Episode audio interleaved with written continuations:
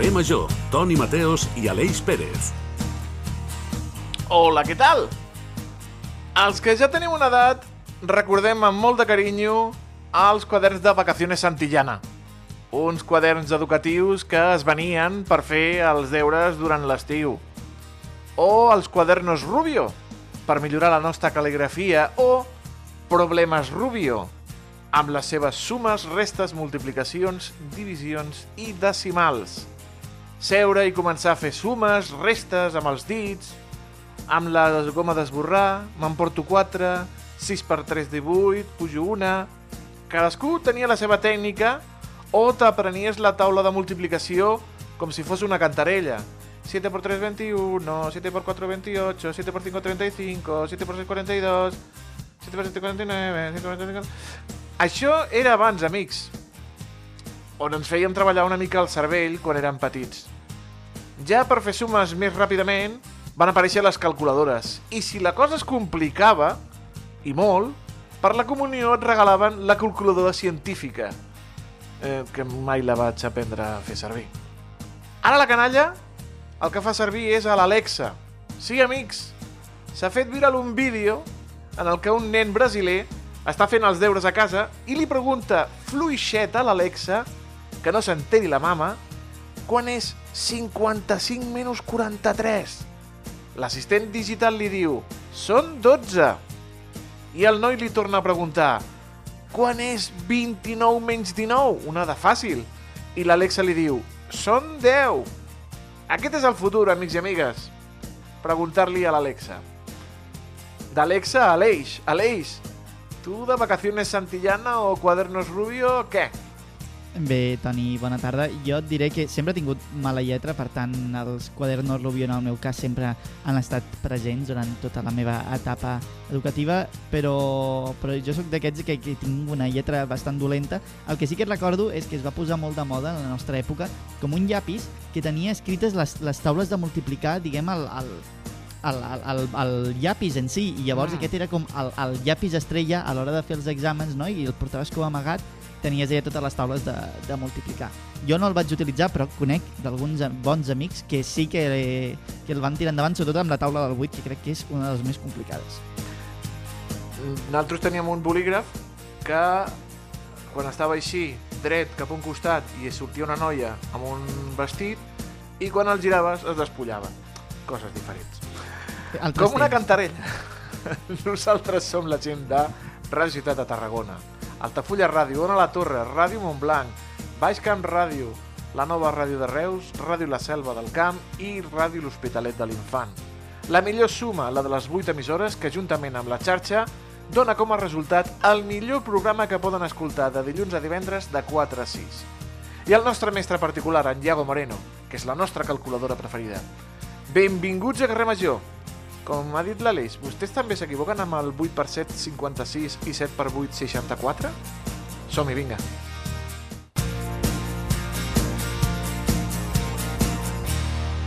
Carrer Major, el primer programa del Camp de Tarragona.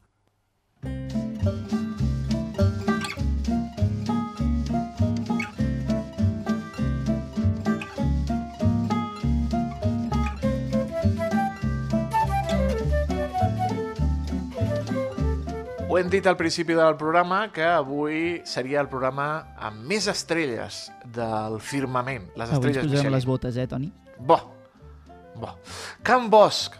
Tres són les generacions de la família Bosch que eh, han regentat aquest restaurant de l'èxit del qual està eh, l'estabilitat i el rigor, la qual cosa ens ha permès atresorar l'estrella Michelin que van obtenir el 1984, gairebé durant 40 anys. Avui l'Arnau Bosch i la Eva Prelló ofereixen la possibilitat de degustar les seves creacions amb un marcat accent mariner. Ai, el Can Bosch. Tenim a l'Arnau Bosch, cap de cuina del mític Can Bosch de Cambrils, a l'altre costat del fil telefònic, i el saludem. Arnau Bosch, bona tarda i felicitats per aquesta fantàstica estrella. Bona tarda, què tal? Gràcies. Un any més renovem, no? 39 anys, camí cap als 40, déu nhi Sou uns clàssics Bueno, la- de la guia. Sí, Digues, perdona. som, som la sisena estrella més antiga d'Espanya, però això dels 39 a 40 ho tenim ara que, no, que ho estem mirant, perquè hi ha dades oficials que diuen que som del 84 i dades oficials que diuen que som del 85. Per què? Perquè, clar, igual que aquest any s'han donat les del 2024, però s'han donat en 2023, uh -huh. depèn de com ho comptis són 40 i depèn de com ho comptis són 39. I clar, 40 és una gran, un gran número per fer una gran festa. Llavors hem de, hem de, hem de quedar mirar bé això perquè als 40 haurem de fer una bona, una bona serassa. Déu-n'hi-do, déu nhi déu Sou uns clàssics de la guia, gairebé la, la vau fundar vosaltres. Eh, com és la feina del dia a dia per continuar oferint cuina de qualitat des de la vila marinera de Cambrils? Bueno, doncs no ho sé, jo ja, o sigui, ja 39 o 40 anys d'estrella i jo en tinc 35, vull dir, jo no he vist jo no he vist treballar d'una forma que no sigui la que treballem, no? Vull dir, buscant sempre doncs, fer les coses el millor possible, amb molta exigència, amb molta disciplina, amb, preguntant-te moltes coses, amb aquest, eh, amb aquest insaciable eh, fan de, de conèixer, d'entendre, de, de millorar, no? Llavors, eh, per mi és com, bueno, com si no haguéssim vist... Jo, com, com quan has vist la televisió en, blanc, amb, amb color, en blanc i negre i encara veus en color, jo no, jo sempre l'he vist en blanc i negre, com, com que diu, no? Llavors és la, és la forma que tenim de, de treballar. Mm. La tradició i la innovació són les vostres banderes? Bueno, sí, això queda molt bé i evidentment sí, sempre innoves coses, però al final jo sempre dic que ja fa uns anys que nosaltres fèiem alta cuina tradicional o alta cuina marinera, jo diria, no? Jo me sento còmode definint-nos com un restaurant clàssic, amb, amb punts moderns, evidentment, perquè pues, tens menús més, més moderns, però sempre d'una base molt clàssica, respectant moltíssim el producte i respectant moltíssim el sabor no, les coses. Bona tarda, senyor Bosch. Eh, bé, com es transmet potser la personalitat, una mica aquest, aquests valors que, que comentava i que tant, durant tantes generacions s'han intentat transmetre, com es plasma això en un plat? Bueno, és, eh, aquí podríem, podríem filosofar de, de, de moltes maneres durant hores, però realment, a final de comptes, tu amb una taula t'has de sentir còmode, t'has de ser com, confortable, a gust, ben tractat, ben servit, i la cuina que mengis o el plat que et posin ha d'estar bo sí o sí, vull dir. De cuines només n'hi ha dues, la bona i la dolenta, vull dir que no. O sigui, vull dir que, que què vol dir això? que una persona que es dedica tota la vida a fer uns callos i fa uns callos boníssims, no? encara que sigui amb una tasca de qualsevol puesto, per mi allò és alta cuina també.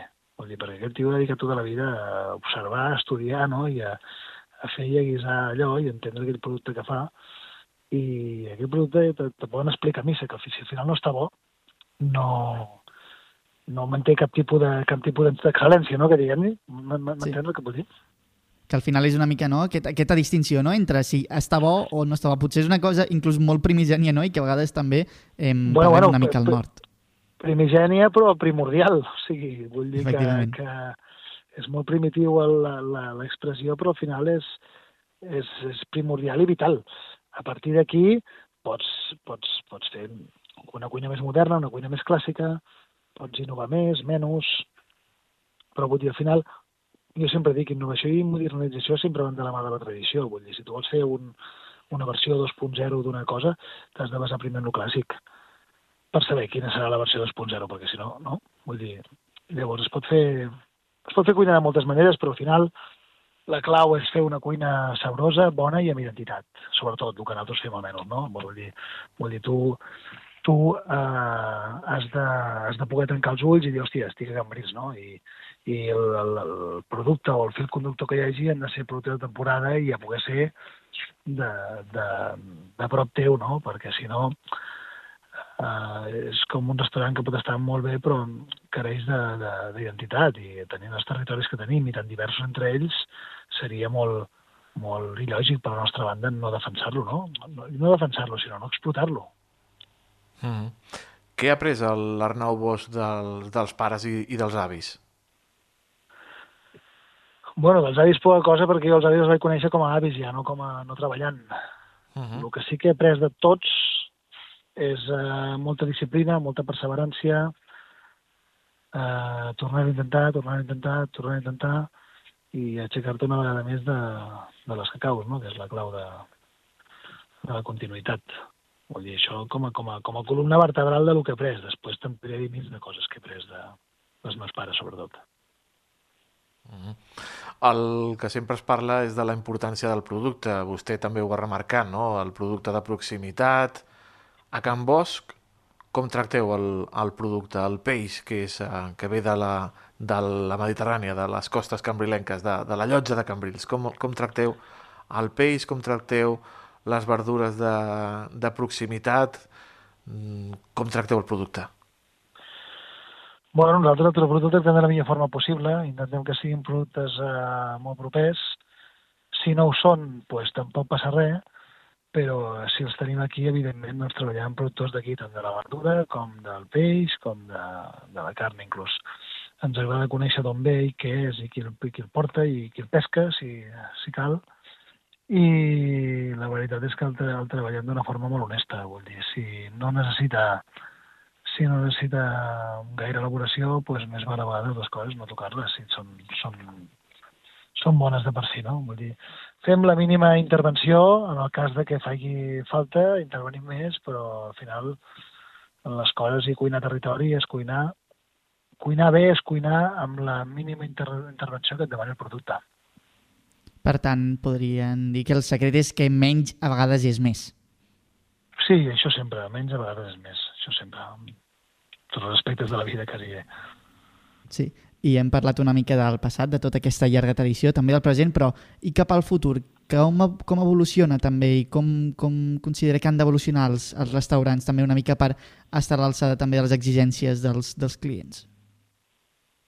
Bueno, jo no sé si tinc la fórmula de com han d'evolucionar els restaurants en un futur. El que sí que tinc clar és que estem en una, en una era de que regna una mica o manarà una mica el talent, perquè hi ha de tot en aquest món, no? I hi ha de tot i hi ha la de tot com, com així estem dient, hi ha tot molt ben fet i hi ha tot molt mal fet també, no? I al final sembla que, que tot valgui. Doncs eh, jo recomanaria que una persona que es vulgui posar un restaurant no, o que vulgui tenir continuïtat en un restaurant és que tingui una identitat pròpia, que tingui un ànima, que tingui un discurs no? a seguir almenys com un credo, com, una, com un fil conductor i això al final són els restaurants que marquen la diferència i els restaurants als quals tu estàs disposat a pagar un preu perquè vas a menjar algo diferent encara que sigui molt tradicional, vol dir, no, ojo, no vol dir que diferent tingui que ser superinnovació, etc etc. Vol dir, però sí que una cuina amb sentit, no? Amb sentit o més sabrosa, perquè, bueno, perquè li has donat més voltes, no? O perquè has fet més proves o perquè has, o perquè has guisat més. Però vull dir, sí que jo crec que els bons restaurants i els restaurants que, que triomfaran en un futur, a part de ser les grans superfícies, que és cap, cap on anem tot, no? Els pocs artesans que quedin serà una mica això, no? El valor que posin en, en el producte, en el territori, en la, una mica en, en, tot, en, tot, en tot aquest context. Anem a parlar de la pujada de preus, perquè ha pujat tot, fins i tot una cosa tan essencial i bàsica com és l'oli d'oliva. Com us adapteu al context aquest de l'augment de preus del producte que després oferiu a les vostres taules? bueno, tenint en compte que eh, avui en dia amanir una amanida amb JB costa més barat que amanir la mole d'oliva, perquè, perquè està dos euros més barat que l'oli, el whisky, en aquest cas, eh, doncs, en, una, en un punt on, on, arriba, els preus arriben amb aquestes, amb aquestes barbaritats, a vegades per sequia, com ha sigut el cas d'Oliva, que això sí que és cert, i a vegades per especulació, doncs la veritat és que mosqueja bastant el tema perquè moltes vegades eh, els restaurants no acabem mai de repercutir el, el, el preu de, dels, dels costos que nosaltres tenim bueno, una mica per por, una mica per mantindre aquell, aquell barem no, entre, entre no marxar del teu target, no? de, tant de client com de lo que estan acostumats a, a veure la teva carta, no? però sí que es fa realment difícil i has de fer bastantes, bastantes filigranes per, per arribar a quadrar escandalls perquè, a més, coses que ja tenies ben quadrades i ben, i ben apamades, Ara, clar, hi ha, un, hi ha una, una variació i, i d'una forma tan volàtil de, de, dels preus que has d'estar constantment canviant, canviant, canviant i modificant i és complicat, la veritat. Bueno, és una feina més que ens ha afegit eh, en aquests últims temps, la veritat. Arnau Bosch, cap de cuina del Camp Bosch de Cambrils. Eh, de nou, felicitats per aquesta estrella i quan feu els 40 anys en recordeu-vos, eh, si feu festa, en recordeu-vos de la gent de, del carrer Major, que sempre estem sí, preparats per... Sí, de fer, haurem de fer. Una abraçada, que vagi molt i molt bé. Gràcies. Gràcies. Gràcies. Adéu, adéu.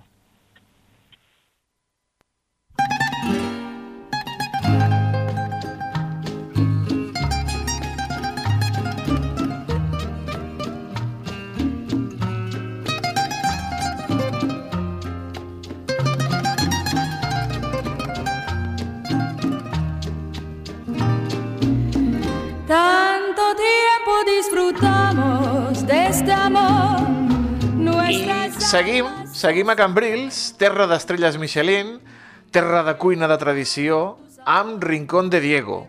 Tot i que el Rincón de Diego porta obert des del 1983, ocupa la seva ubicació actual des del 2010. L'èxit reflecteix el treball de Diego Campos, el seu cap de cuina i fundador, que li va valer el reconeixement de l'estrella Michelin l'any 2005. Els mariscos i els peixos són els grans protagonistes de les propostes gastronòmiques del restaurant cambrilenc i del seu xef, Rubén Campos, amb la seva cuina d'arrel i de temporada. A l'altre costat del telèfon tenim a l'alma mater del Rincón de Diego, el gran Diego Campos, al qual saludem. Diego Campos, molt bona tarda. Hola, Diego, bona tarda. No. Diego Campos, bona tarda. Sembla que... Ui, ui, ui, ui, ui, ui. Ens deixarà sola el Diego Campos. Sí, sí. Tornem-lo a trucar, si de cas. Sí. Diego, Intentem... sentim de fons alguna que estan parlant. Diego Campos, bona tarda. No sé, hay algo... Hay algo, diu, hay algo que no, hay algo, que no, sí. no acaba. Bueno, el tornem a trucar a veure si, si aconseguim parlar amb ell. Que soni la música mentrestant.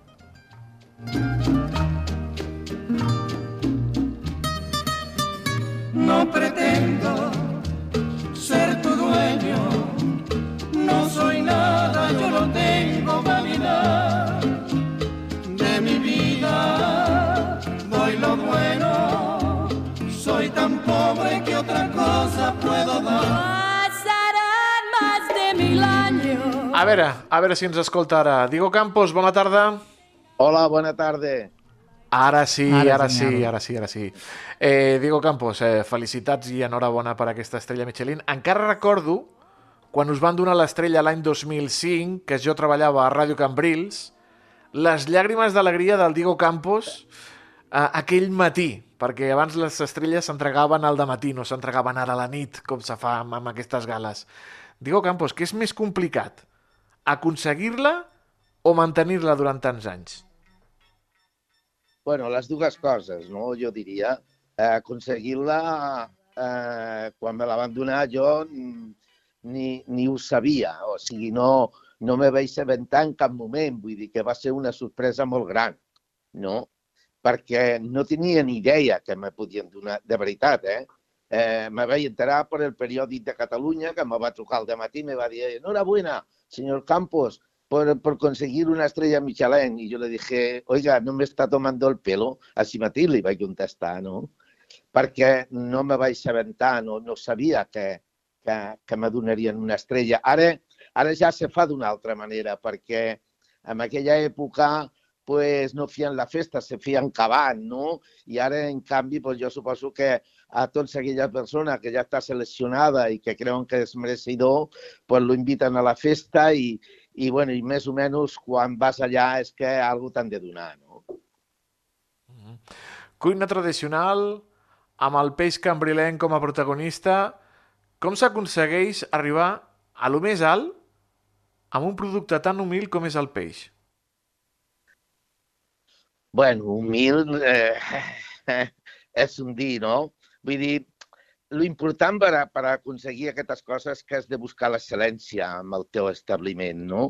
Buscar el millor producte, el, elaborar-lo el millor possible, eh, eh, requereix una, una, una sèrie de coses que, que, que, que l'has de mantindre durant eh, el resto de, de la teva vida, diria jo, mentre, mentre vulguis estar i no baixar la guàrdia, no?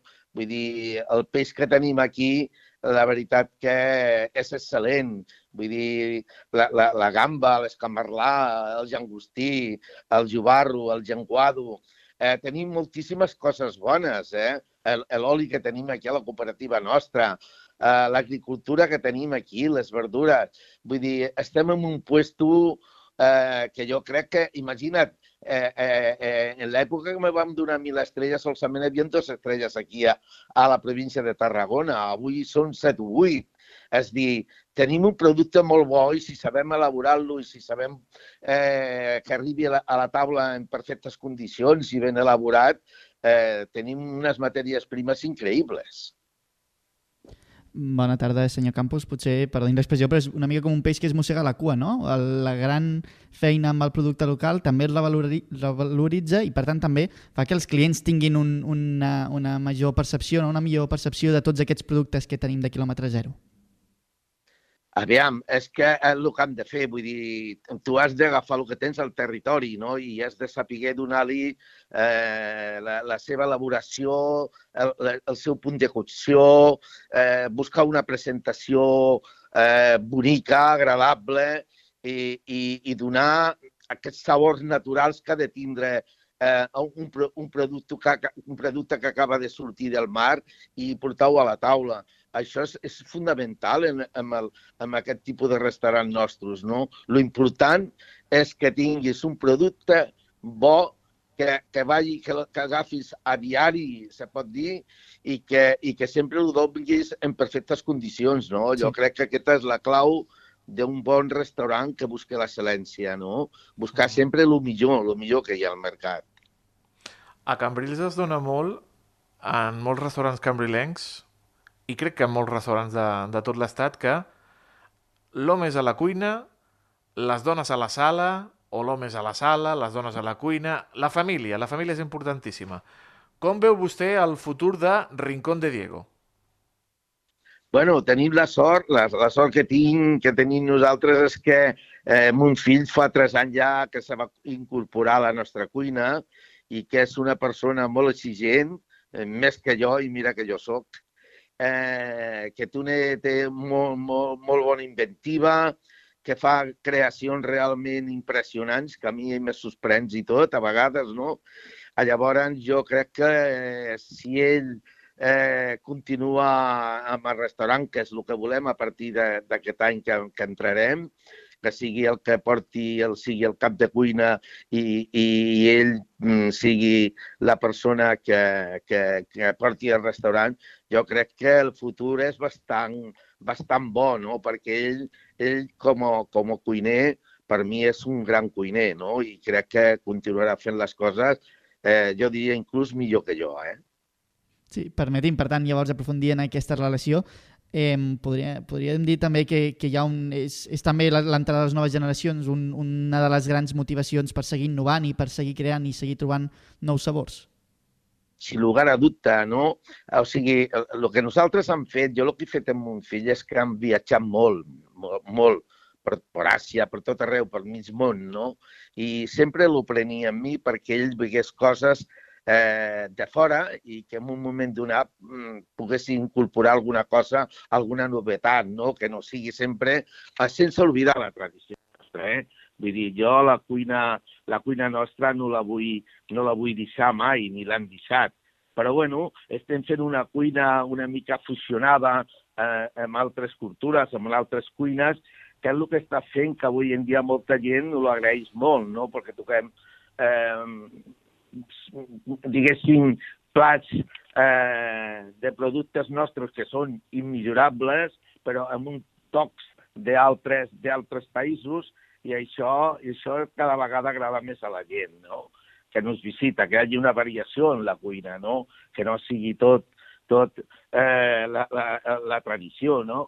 I és el que estem des de fa uns anys que, que s'ha incorporat amb uns fills fent coses pues, diferents, amb, amb gustos diferents, però sense pronunciar o sense deixar el que és la nostra essència, la nostra cuina, el nostre producte.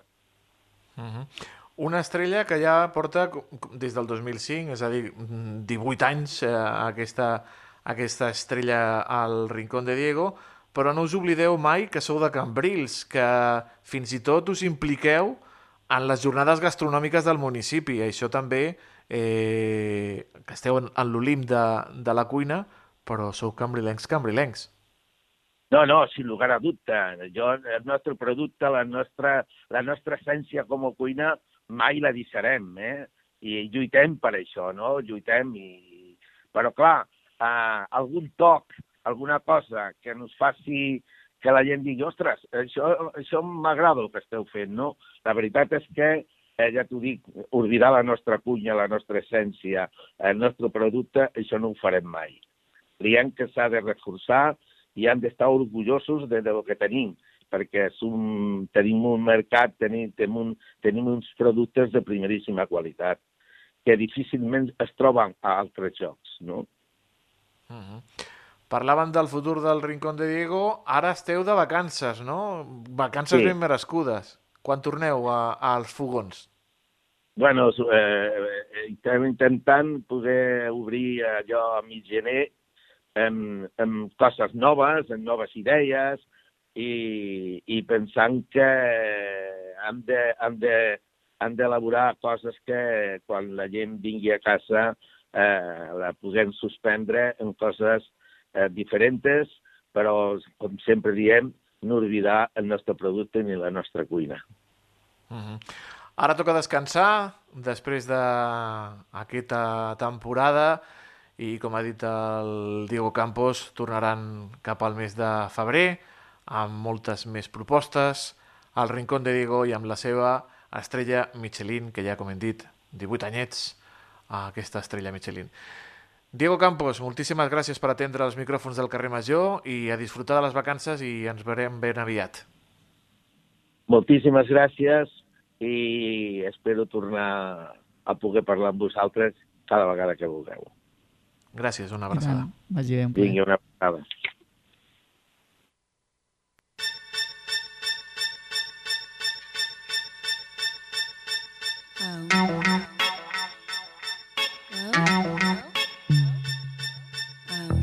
Todavía no estáis quemados.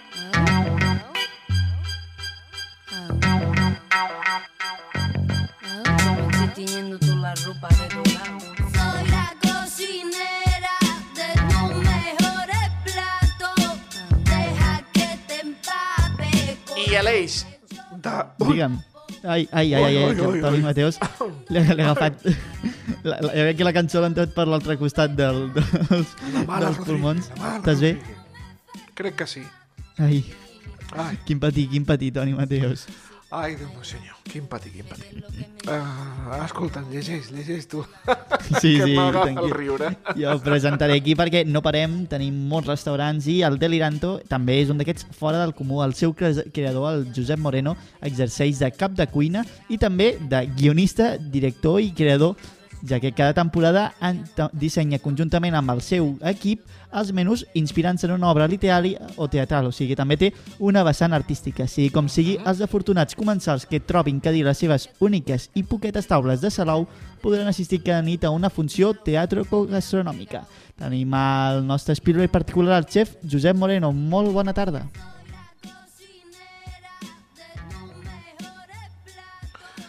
Josep Moreno, bona tarda.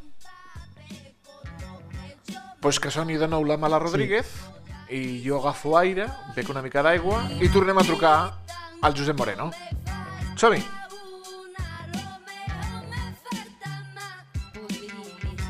No regalo nada, mi todo se me paga. Vida, acuérdate de mí, de mi cara. Mi Resumiéndotelo todo te la aclaran. No sana hoy, sanará mañana. Hoy, a por lo que dijimos, tigres y bengala. Con la tijera corta y clava. Sin tara, la mala vuela sin escala. De allá aquí en una cala. Josep Moreno, el rock and roll del Deliranto. Eh, Bona tarda. Bona tarda. Com estem? Felicitats per aquesta estrella. Moltes gràcies. A la guia Michelin us defineixen com una cuina de gran nivell. Com s'aconsegueix aquesta excel·lència, senyor Moreno? Bueno, jo, jo no, no, sé si sóc el més ideal, potser tindríem que preguntar als ells què és el que ells valoren més, perquè al final no, no és que ells diguin molt clarament el que busquen, sinó que tu si tens clar quina feina està ben feta i quina està mal feta, i el que faig és esforçar-te dia a dia per intentar fer-ho el millor possible, intentar mimar tot el producte que t'arriba, intentar fer-ho tot amb, amb els cinc sentits, i a partir d'aquí doncs si tens sort, doncs arriba una persona que menja, se'n va i algun dia doncs et, a- et tornen a, a dir, mira, creiem que la feina la, la fas bé i, i, i optes una estrella Michelin, però jo crec que és més a la feina ben feta i, i al seguiment. Cinquè any amb l'estrella i canviant eh, cada temporada de menú. D'on venen les Tres idees? D'on surt? Tres vegades per any. Tres vegades per any. D'on surt la, la bogeria necessària? D'on surt tota la creativitat? Bueno, nosaltres som un restaurant que, que el que busquem és justament això, no? Eh, tindre una estètica, un estil de menú molt canviant on hi hagi molta creativitat eh, amb, compresa dins del menú. Però moltes vegades sí que és veritat que el que fas és... O sigui, no sempre surt bé. No sempre, la, creativitat, la creativitat no sempre arriba a bon destí. I moltes vegades tenim que tirar de recursos de ficar un plat que ja has fet altres vegades amb altres menús que el que fa és canviar algun ingredient però que saps que la tècnica, que, que, el, que el tipus de plat funciona, però no, no pensem de que sempre el 100% dels plats que provem, els 28 plats cada 3 mesos surten tots perfectes, amb la qual a cops et veus obligat a no canviar tant un plat i a fer un plat que coneixes més, que, que és més reconeixible dins del de teu historial, potser canviant algun ingredient, i els altres sí que intentes, doncs, com tot, eh, ensaig i error, moltes coses que surten malament i les que surten bé, doncs anar-les aprofitant i fer moltes proves.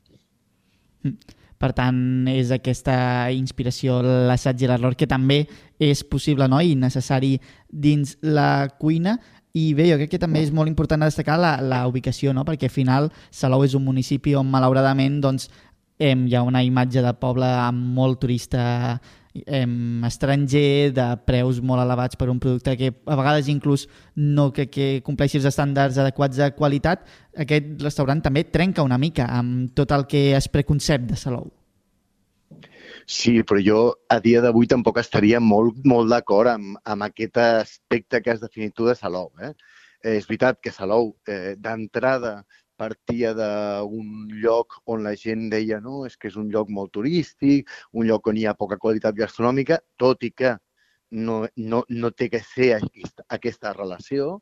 Salou avui en dia té una part molt turística, molt separada de la part de, la part de poble, de nucli urbà, i el nucli urbà té grans restaurants ja que ho fan molt bé, però no només grans restaurants ara, sinó que jo crec que tota la província de Tarragona coneix la Morera de Pablo i Esther que estan dins de la guia Michelin, no tenen estrella, però estan recomanats per la guia i porten 25 anys recomanats per la guia. O sigui que no és una flor d'ara, sinó que no hi ha hagut 100 restaurants reconeguts, però hi ha una, un, un bon nitjo de 10-12 restaurants que fan un producte que està molt bé i això que em dius és que és un lloc molt turístic. Mm, És veritat, perquè Barcelona i Madrid no són llocs turístics.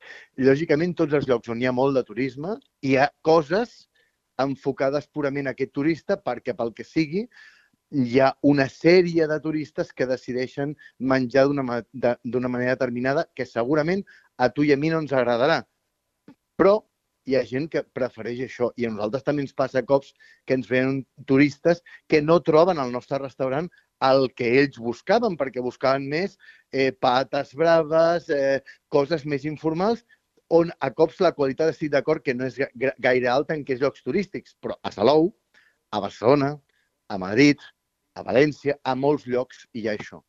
Sí que Salou, com que té un boom turístic molt gran a l'estiu, hi ha molts restaurants que s'obren purament en temporada on la qualitat és d'aquest estil, però també hi ha una, una zona molt més xula i que en els últims anys crec que a través de l'Associació de Restaurants hem marcat bastant la diferència i en donar-los a conèixer i ja hi ha un nitjo de restaurants bastant nombrós on la qualitat prima.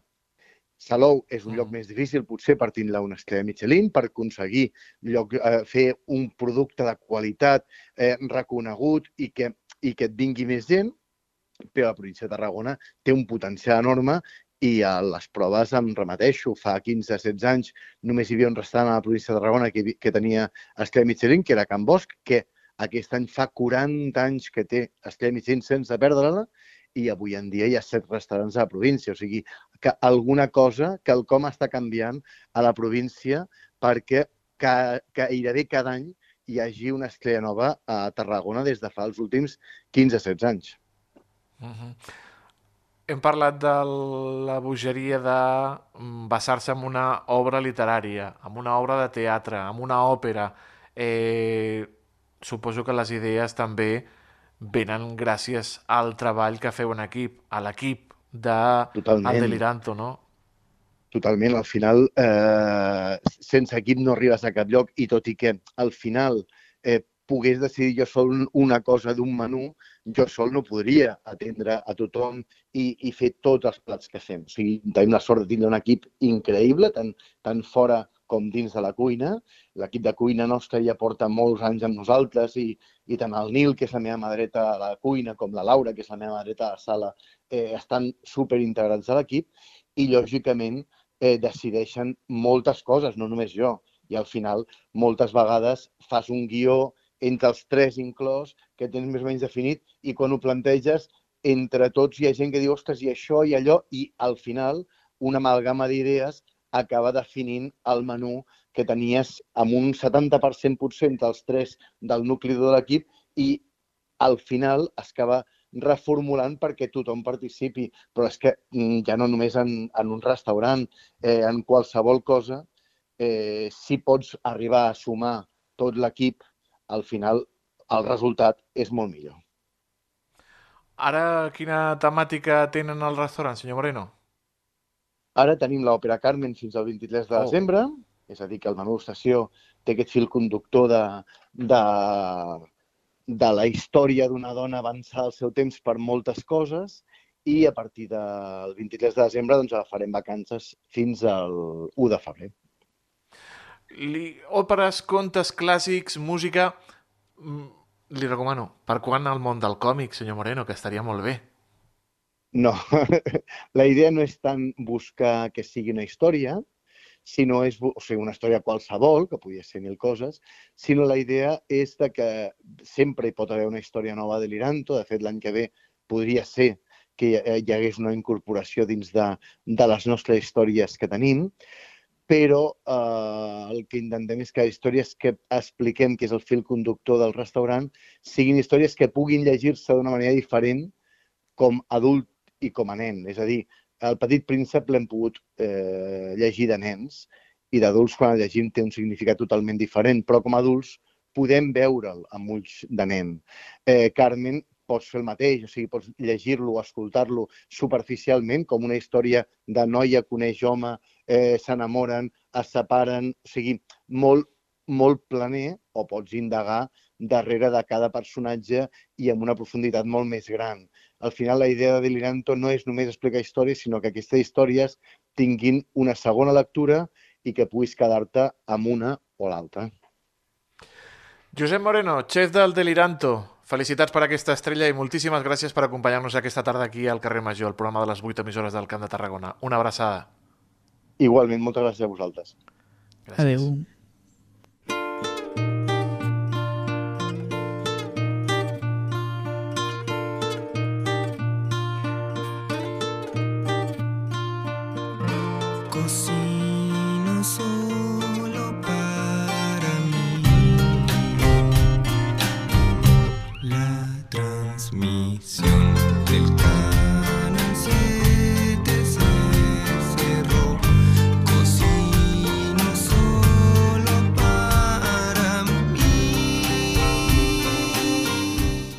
Anem cap a Cornudella, al Quatre Molins, que va entrar a formar part de l'elitista Club de les Estrelles Michelin en l'edició del 2021.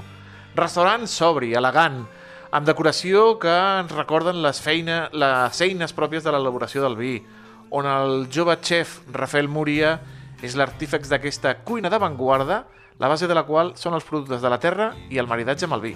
La mel i els productes apícoles són un fetitxe per a aquest jove cuiner premiat en diversos concursos, al qual el gran Martín Berasategui Garrote li va ficar un 100, un perfecte, a un dels seus plats. A l'altre costat del fil telefònic, al Priorat, tenim el Rafael Múria, al qual saludem. Rafael Múria, bona tarda i felicitats per aquesta estrella. Molt bona tarda. Quart any amb l'estrella Michelin. Quan mira enrere, en el seu bagatge, què pensa, senyor Múria? Que ens queda molta feina per fer. Això segur. déu nhi Però si comencem a mirar enrere i veient que ha estat vostè a les millors cuines de França, a les millors cuines de l'estat espanyol, home, també és per dir, ep, ens queda coses per fer, però el que hem fet... Sí, però ens queda, Ah, ens queda molt de client per satisfer, la gent que vingui aquí al Priorat a disfrutar-ho, eh, intentar fer projectes nous, disfrutar de la nostra feina... Així te'n podria dir les que vulguis. La mel. Li diuen com a vostè el cuiner de la mel. El seu ingredient estrella. Ja li ve això de família, no? Sí, de fet, nosaltres som agricultors des de 19 1810, sisena generació. Llavors, bueno, és un producte que portem a la sang, diguem-li així, i és un producte que és molt important dins de la nostra gastronomia. Que té la mel. La mel. La mel és un edulcorant avui per avui dins la nostra cuina superimportant, que nosaltres lo marquem com si fos inclús una espècie, no? Al final és un, té un poder de, de potenciar els sabors de, de, de tot el que són eh, els nostres plats impressionant. Tal com utilitzem un àcides o un, eh, o un picant o la sal mateix, que és un mineral que fa potenciar el sabor, eh, la mel per la seva part també fa potenciar eh, tots els productes i, i sobretot equi- equilibrar un plat. I com juga amb la mel en relació amb els altres ingredients de proximitat que, que ofereix el seu restaurant? Bueno, doncs al final és un producte que al final és un edulcorant, ¿vale? parlem, d'un- sucre, però és un aroma. Llavors sempre juguem amb segons quins aromes, podem parlar des de bruc, alzina, que són les més fortes, com roma i taronja, que són més suaus i amb més acidès, eh, per a acabar un plat o per a equilibrar una cosa tan simple com una vinagreta, eh? que li fiques una acidès i després a la mel tu el que fas és equilibrar eh, aquesta acidès. La podríem utilitzar el que vulguis, inclús. Per cada per a, per a molts de plats que tenen un punt d'amargor, li fiques la mel i, i fa, te fa marxar l'amargor. Eh, parlem de l'acidès, el picant també, t'ajuda a equilibrar-ho. Al final és equilibra, equilibra sabors. Com ha estat portar l'altra gastronomia al Priorat? Com ha estat aquesta experiència durant aquests anys? Uau, doncs a mi m'encanta. M'encanta perquè és una zona que coneixia però poc eh, i cada dia m'agrada més. És un tresor amagat que tenim aquí a, a la part de la Costa Daurada de la muntanya i que cada dia va més i que invito a la gent a que vingui perquè és un espai privilegiat que tenim a, a la nostra província.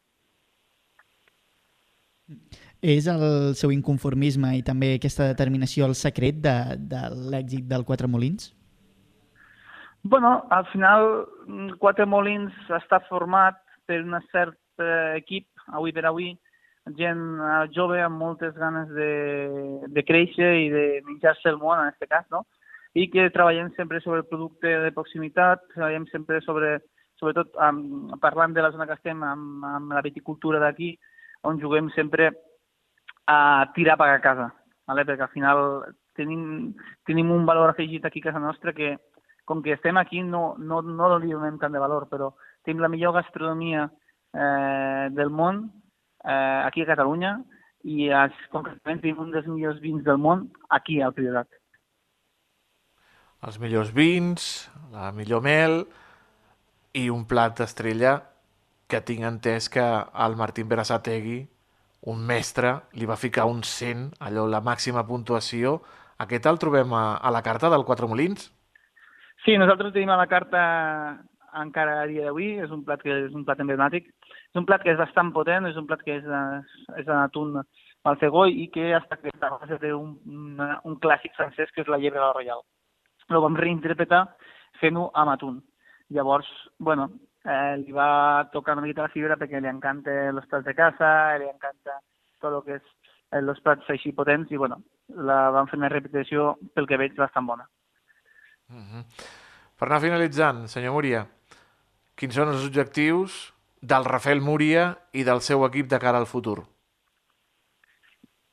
seguir creixent com a persones, eh, seguir creixent com a cuiners, cambrers, eh, intentar eh, fer créixer la zona que estem per a que al final tot suma i intentar seguir fent algun projecte nou, alguna cosa, i al final el més important, que vinguin els clients, que ho disfrutin, que s'ho passen bé i que tornin quan vulguin.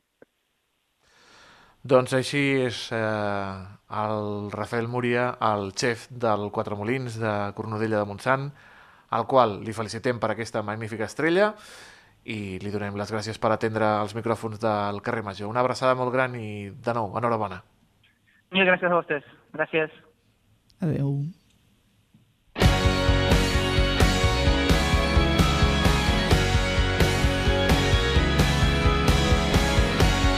Ja hem repassat eh, les estrelles del territori, Aleix, i Ara anem a una altra. Ara Ara una de altra estrella. digestió, sí. Sí, la digestió. Bueno, hem Sí, menjat sí. poquet, hem menjat poquet, eh? A veure, anem amb una altra estrella, que és l'estrella de la nova ràdio, el David Fernández amb la seva banda sonora. I aquest me sembla que és el Miquel Vilella. Crec que és el Miquel Vilella. David Fernández, bona tarda. Hola Toni, hola Aleix, molt bona tarda. Avui ens en recordem d'un cantant de Reus que fa més de 20 anys que fa música i que el passat dia 24 de novembre va treure el seu darrer disc. Estem parlant d'en Miquel Vilella. El 2014 editava Després del món, un treball que també s'editava tot íntegrament en anglès, el 2017 La línia màgica, el 2020 Els fans de la mort nord-americà i ara, doncs, ara fa uns dies, va editar aquest Torna Viaje, un disc on el Miquel Vilella s'estrena cantant en castellà. Fins ara havia cantat en català, en anglès i ara adopta també el castellà per composar música.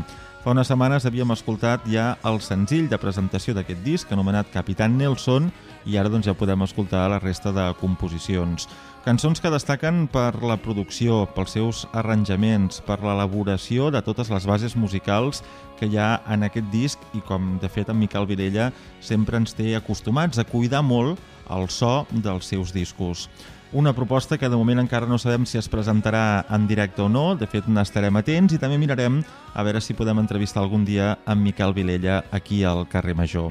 Avui, doncs, aquest cantautor de Reus, amb el seu disc Torna Viaje, és la banda sonora del dia del programa. Fantàstic, David, moltes gràcies. I fiu, fiu, fiu, fiu, ràpid cap a la furgo. Fiu... És que no, no parem, no parem. No parem, portem un ritme avui, Anem, un trote. anem amb la furgoneta. Anem amb la furgoneta amb la Cristina Artacho, que avui està en un projecte molt i molt interessant. La saludem. Cristina Artacho, bona tarda. Hola, bona tarda i benvinguts un dia més a la Furgo. Avui sóc al barri de Torreforta de Tarragona, al centre de suport de l'entitat Todos en Azul, que treballa amb nens que tenen trastorn de l'espectre autista. Per parlar-ne sóc amb les coordinadores de l'espai, que són la Gemma Solanes i la Priscila Trujillo, per parlar d'una cosa molt concreta, que és que aquest hivern tindrem el primer casal d'hivern de l'autisme de Tarragona. Gemma, em pots explicar com funcionarà? Eh, bé, eh, nosaltres estarem al centre cívic d'aquí Torreforta, llavors ens dividirem en dues aules i hi haurà el grup de nens petits i els de més grans. En aquest casal no fiquem límit d'edat ni tampoc de, dis- de tant per cent de discapacitat, eh, llavors acollim a, a tothom, no fem discriminació de res. Eh, De quants nens estem parlant? eh, D'una dotzena, més o menys. I de quines edats? Dieu que no poseu límit d'edat, però mm, eh, entre, quin, entre quins marges estan els nens? De moment tenim nens d'entre 4 anys fins a 26 anys. Uh -huh. I, Priscila, tots són nens amb autisme, però tenen alguna altra discapacitat? La majoria són nens amb autisme, tot i que hi ha algun trastorn també com el TDAH, o per exemple tenim un cas de- d'Angelman. però la majoria són nens amb, amb trastorn de l'espectre auti- autista. L'autisme va sovint relacionat també amb, amb altres discapacitats? Sí, poden at- associat. Molt, moltes vegades ens trobem amb casos amb nens que tenen diversos trastorns alhora. Comentàvem no, d'aquest casal de l'autisme d'hivern. Quins dies serà? Hem dit al Centre Cívic de Torreforta? Sí, seran els dies 27, 28 i 29 i de desembre i el 2, 3, 4 i 5 de, de gener. I, Priscila, quin tipus d'activitats fareu amb aquests nens? Doncs farem diversos tipus d'activitats, tant com manualitats, eh, activitats ma manipulatives, que siguin estimulants per ells. Eh, tindrem accés també a la ludoteca, a la biblioteca del centre cívic i llavors també farem activitats eh, fora del, del centre. Anirem, per exemple, al Parc de Nadal, dos dies, i un altre dia anirem a, a la hípica Tomàs Santiago a Cambrils, on podrem fer activitats eh, com per exemple l'equinoteràpia o estar en contacte amb la natura, amb animals que són molt, molt beneficiosos pels, pels nens. Quina importància té no, generar aquests espais perquè els nens amb autisme puguin fer activitats absolutament adaptades a, al que ells necessiten? Doncs és molt necessari avui en dia. Vull dir, cada vegada hi ha més conscienciació, però encara a dia d'avui no hi ha els suficients espais per poder acollir aquests nens. Eh, nosaltres fem el primer casal enguany, però esperem que això sigui una miqueta referent perquè mm, les administracions es donin compte de la necessitat que hi ha urgent d'ocupar espais per a aquests nens, que tinguin l'opció no, de gaudir d'un casal. Quan des de Todos en Azul informeu als vostres socis, a les famílies que fareu aquest servei, quina és la reacció? Uh, la reacció, evidentment, sempre és positiva perquè és una necessitat és, imminent i llavors, bueno, doncs, en poques hores o en pocs dies s'omple. I una cosa que a mi em genera moltíssima curiositat és impossible no? que sigueu vosaltres soles les que estigueu en contacte amb aquests nens. Com serà el vostre equip? Quins professionals hi formen part? No, nosaltres tindrem un equip de quasi un nen per monitor, eh, llavors disposem de gent contractada i de gent amb pràctiques i voluntaris també, que són molt importants i ja ens ajuden molt. Parlem d'aquest casal d'hivern de Todos en Azul, però Todos en Azul és una entitat que treballa tot l'any per ajudar aquests nens amb autisme i a les seves famílies. De fet, el que comentàvem, estem aquí a la seva seu social on cada dia, cada dia, hi són la Gemma i la Priscila treballant i fent activitats amb aquests nens. Com és el dia a dia aquí? Doncs el dia a dia és molt maco, en general, no? perquè podem doncs, gaudir de- d'estar... Um, entre, tenim, repartim les hores de 5 a 6, bueno, una hora cada, de 5 a 6, de 6 a 7, de 7 a 8, on venen diferents nens, entre 1 i 5, depenent de les necessitats i característiques de cada nen. Llavors, doncs, aquí, a l'espai aquest que disposem, podem treballar moltes coses, tant la psicomotricitat fina, la gruixuda, treballem molt també la interacció social entre ells i alhora també és un espai de, de relaxació i alhora una miqueta lúdic, no? sempre hi ha 10 minutets que són perquè ells gaudeixin també, llavors s'ho passen molt bé jo crec i també aprenen una miqueta, o almenys és la intenció, no? de poder ajudar-los una miqueta dia a dia.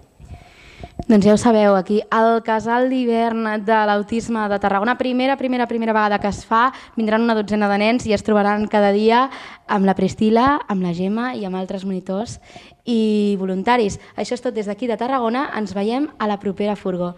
Adeu. Adeu, Cristina. Moltes gràcies. I bon cap de setmana, també. Sí, i a tu també, Aleix, que tinguis molt bon cap de setmana. I tu també, Toni Mateos, que aprofitis aquest dissabte i aquest diumenge. No gastis molts diners, eh? No et compris un No. matalàs, que van caríssims. Ja ho he vist, ja, ja, ho he, ja, ja t'he sentit, ja, Déu-n'hi-do, eh? Ui, Déu-n'hi-do, déu Ja pots dormir còmode, eh, amb això? Sí, això espero. Tornem el dilluns. Vinga, que passin un molt bon cap de setmana. Que vagi molt bé.